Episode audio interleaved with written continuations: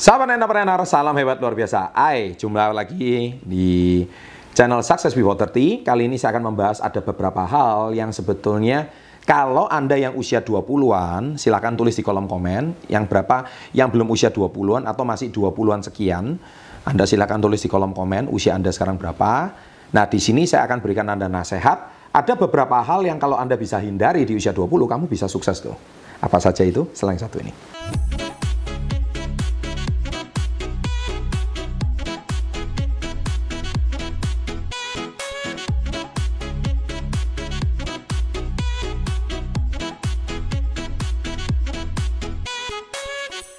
Nah, jadi sahabat entrepreneur, sebetulnya orang sukses tidak akan melakukan lima hal ini di waktu mereka usia 20-an.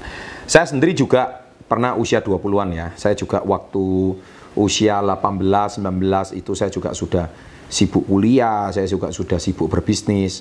Artinya saya juga tidak sempat melakukan lima hal ini. Tapi saya percaya lima hal ini kebanyakan dilakukan oleh orang-orang teman-teman seusia kalian. Bagi mereka yang belum berbisnis dan memikirkan masa depannya. Nah apa saja itu? Kalau Anda mau tahu jangan lupa subscribe, Jangan lupa loncengnya diaktifkan. Saya tunggu ya. 3, 2, 1. Terima kasih. Baik. Yang pertama, mereka tidak peduli dengan teman-teman sebayanya. Maksudnya tidak peduli itu tidak terlalu mendengarkan kata-kata mereka. Jadi gini, kalau hari ini ada jualan, mungkin teman-teman kamu bully kamu. Eh, jualan gitu. Nah, kamu nggak usah terlalu peduli.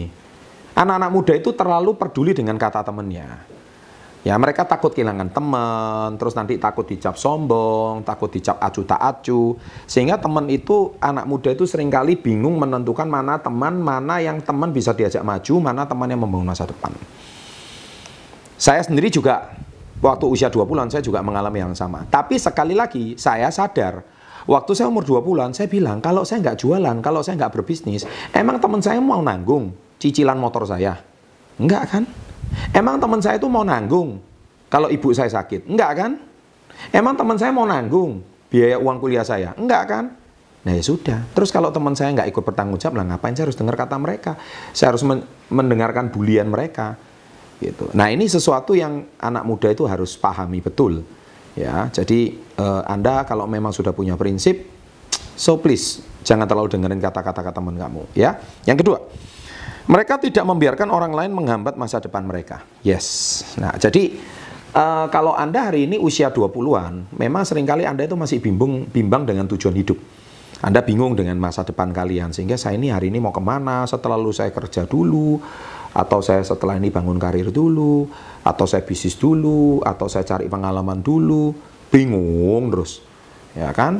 Dan juga ada pertanyaan seperti ini, uh, apakah nanti setelah saya tamat saya mau S2 lagi, ya kan? Kalau anda masih punya nafkah apakah saya hari ini orang tua anda masih bisa? Nah apakah seperti itu? Atau kalau tidak anda pasti rata-rata akan berkata seperti ini apakah nanti setelah saya tamat kuliah nanti saya ini menikah dulu? Nah ini pertanyaan yang pasti masih membuat anda bimbang. Nah sekali lagi uh, kalau anda tidak lakukan hal ini orang sukses nggak nggak terlalu peduli gitu.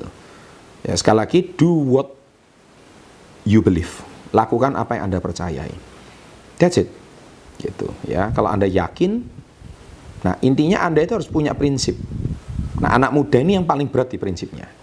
Ketika anda sudah punya prinsip teguhlah dengan prinsipmu berani membangun prinsipmu ini yang menjadi masalah. Nah yang ketiga mereka tidak berteman dengan pecundang atau mental miskin. That's it. Ya mental pecundang atau mental miskin itu apa? Gampang mental peminta.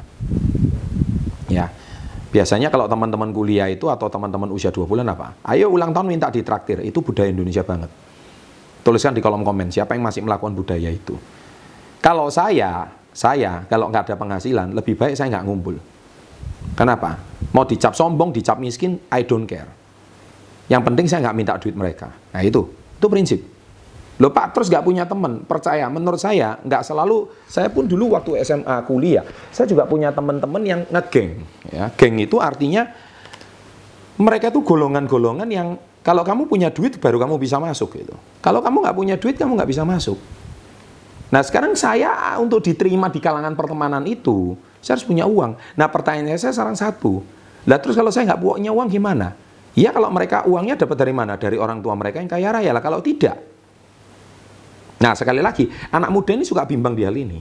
Tapi orang sukses tidak lakukan. Sekali lagi, kenapa? Saya percaya hari ini, saya cuma berteman sama apa? Impian dan masa depan saya.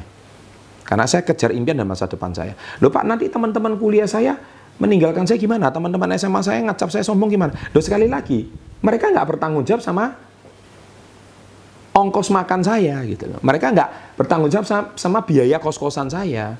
Rumah saya ngontrak, orang tua lagi jatuh ini usahanya. Maka saya ini, mereka nggak bertanggung jawab sama masalah ini. That's it.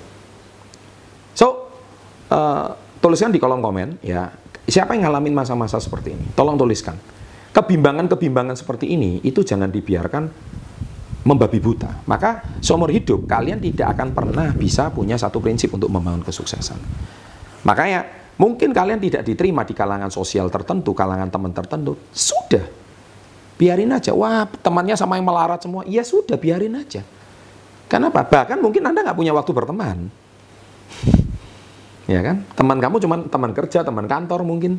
Harus jualan, nggak usah peduli gitu. Paham ya? Nah, ini sesuatu yang harus Anda miliki, prinsip seperti ini.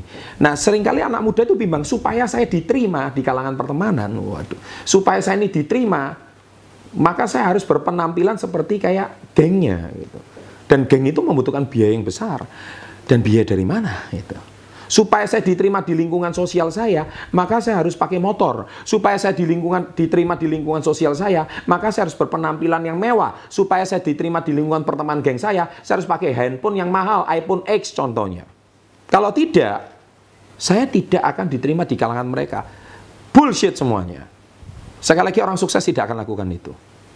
Kenapa? Karena orang sukses dia akan jalanin. Loh Pak, bukan orang sukses kita harus networking dengan orang-orang yang lebih atas. Yes, networking apanya? Kalau Anda networking dengan cara berpikir, ya harusnya Anda networking bukan teman-teman seusia 20-an. Anda harus networking dengan ayahnya, dengan orang tuanya. Nah itu yang benar. Gimana orang tuanya bisa membuat anak-anaknya kaya raya? Karena saya nggak yakin kalau Anda hari ini berteman dengan anak-anak orang kaya, belum tentu mereka yang hebat, orang tuanya yang hebat. Nah itu tulis di kolom komen. Belum tentu anak orang kaya itu anak yang hebat, tapi orang tuanya yang hebat. Dan celakanya Anda berteman sama anak orang kaya yang cuma taunya cuma minta duit sama orang tua.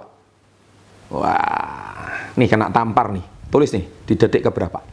Ya, jadi sekali lagi anak muda jangan lakukan kebodohan seperti itu di usia 20-an. Oke? Yang keempat, mereka tidak buang-buang waktu. Pasti. Karena mereka sadar mereka masih muda, mereka akan all out dan mereka tidak akan buang-buang waktu.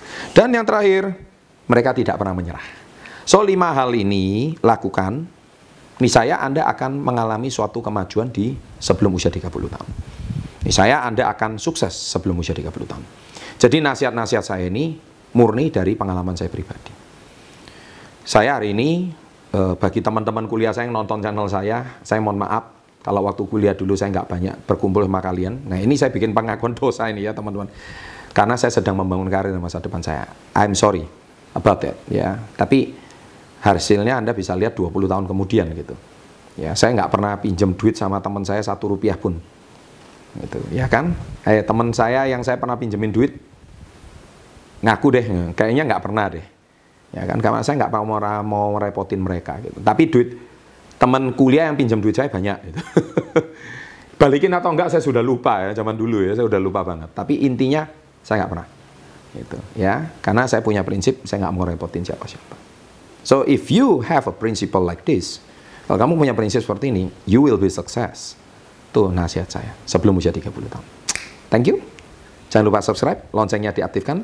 Demikian video kali ini saya buat. Ada dua video lagi silahkan ditonton. Suka? Gampang, tinggal share. Salam hebat, luar biasa.